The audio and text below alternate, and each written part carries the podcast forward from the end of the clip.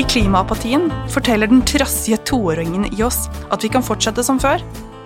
I en runddans av kognitiv dissonans rettferdiggjør vi cherrypicking av verdensbilder som gjør at vi kan lene oss tilbake i sofaen og opprettholde vaner oppfatninger som egentlig er ute av synk med forskningen. Denne kronikken ble publisert i vårutgaven av Ren mat 2021. Den er skrevet og lest inn av redaktør Kjersti Skar Storvik.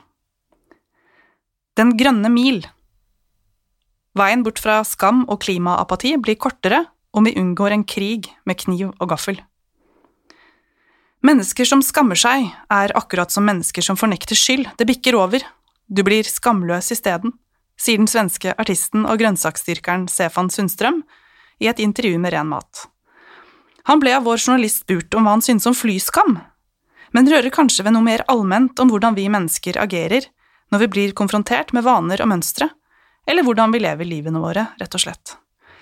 Det er kvinnen som blir advart mot en mann som er bad news, men trosser rådene for å vise sine venner at de tok feil. Og det er kjøttspiseren som dobler sitt ukentlige baconinntak etter oppildnet diskusjon med en veganer som mener han burde bli plantespiser umiddelbart. Det går en faen i oss, rett og slett. Hvordan et budskap pakkes inn, er avgjørende for hvordan det blir mottatt. Spør et gjengs reklamebyrå, og de vil kunne fortelle deg et og annet om strenger de spiller på for å få mottakeren til å kjøpe et produkt. Ofte vil det være amygdala, reptilhjernen, som er det utpekte offeret.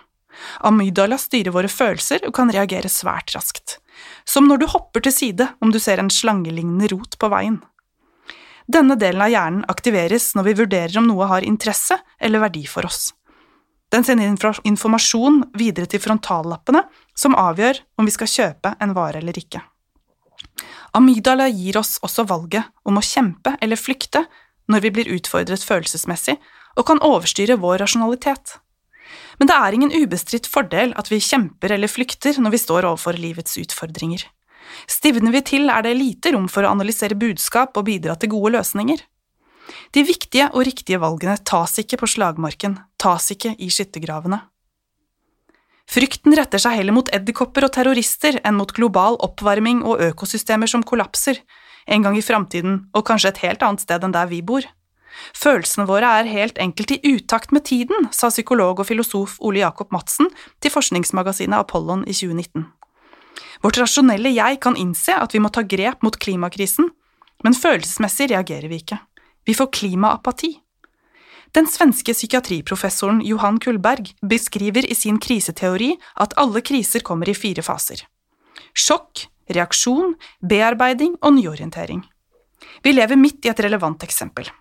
Covid-19 kom som et sjokk på de fleste av oss, men gjennom et år i unntakstilstand og store endringer i vår mulighet for livsutfoldelse har vi kunnet bearbeide hva krisen har gjort med oss. Mange har innsett at ting kanskje aldri blir helt som før. Vi må orientere oss på nytt. Som art er vi altså tilpasningsdyktige. Bare tenk på røykeloven, som møtte stor motstand da den kom, men det ble applaudert i etterkant. Et slinkt mentalitetsskifte tar om lag 400 dager, viser psykologisk forskning, og vi opplever endringen som en krise. Da vil vi til å begynne med føle at hele vår fysiske eksistens, sosial identitet og trygghet eller grunnleggende livsmuligheter er truet. Alle endringer, også de positive, oppleves som tap, og vi gjør alt for å opprettholde status quo. Det er her politikerne må komme inn. Vi velger politikere til å lede oss, og da trenger vi ledere som tør å gjøre nettopp det heve oss over våre instinktive tilbøyeligheter og motstand mot endring, lytte til forskere og handle på det, gå foran. Akkurat nå har vi ikke det, vi må starte mentalitetsendringen selv. Nyere hjerneforskning antyder at når vi klarer å aktivere bremsepedalen og sette en merkelapp på følelsene våre, da klarer vi å bremse denne trassige toåringen. Pust inn, pust ut og anerkjenn følelsen som oppsto. Se, da klarer vi å ta et skritt til side og bearbeide informasjonen, selv om den er ubehagelig. Klimakrisen krever ikke at vi alle skal bli vegetarianere, slutte i jobben og bli selvbergede grønnsaksdyrkere, men det kan være en motivasjon at noen går foran. Ikke ved å spille på skyldfølelse, men gjennom inspirasjon. Målet er ikke å bidra til matskam, men å oppmuntre til å lage noe nytt, sier Hanne Lene Dahlgren, som har bidratt med ukemeny i ren mat. Selv om oppskriftene hun lager, eh, som er hentet fra en skikkelig digg kokebok 2, er plantebaserte, så er ikke kokebøkene hun skriver for vegetarianere. Det er bøker for folk som vil bli inspirert til å putte mer grønt på tallerkenen, uansett om det ligger kjøtt der fra før eller ikke. Vi i Ren Mat opplever fra tid til annen å få litt sinte lesebrev. Noen er kjøttelskere og sier vi skriver for mye om vegetarmat. Andre er veganere og sier vi skriver for mye om kjøtt. Når det å jobbe for mer hel og sunn mat frembrakt på naturens premisser blir en krig mellom to sider som begge ønsker det beste for jord, dyr og folk, da taper også begge. Like lite som kjøttspisere blir inspirert til å spise flere grønnsaker om de blir kalt mordere, like lite trenger veganere å høre at de er fundamentalister. Vi er ikke soldater og har ingen korstog vi vil gå, som Lars Winnerbäck ville sagt det. I ren mat vil vi bygge jord, vi vil så spirer til endring.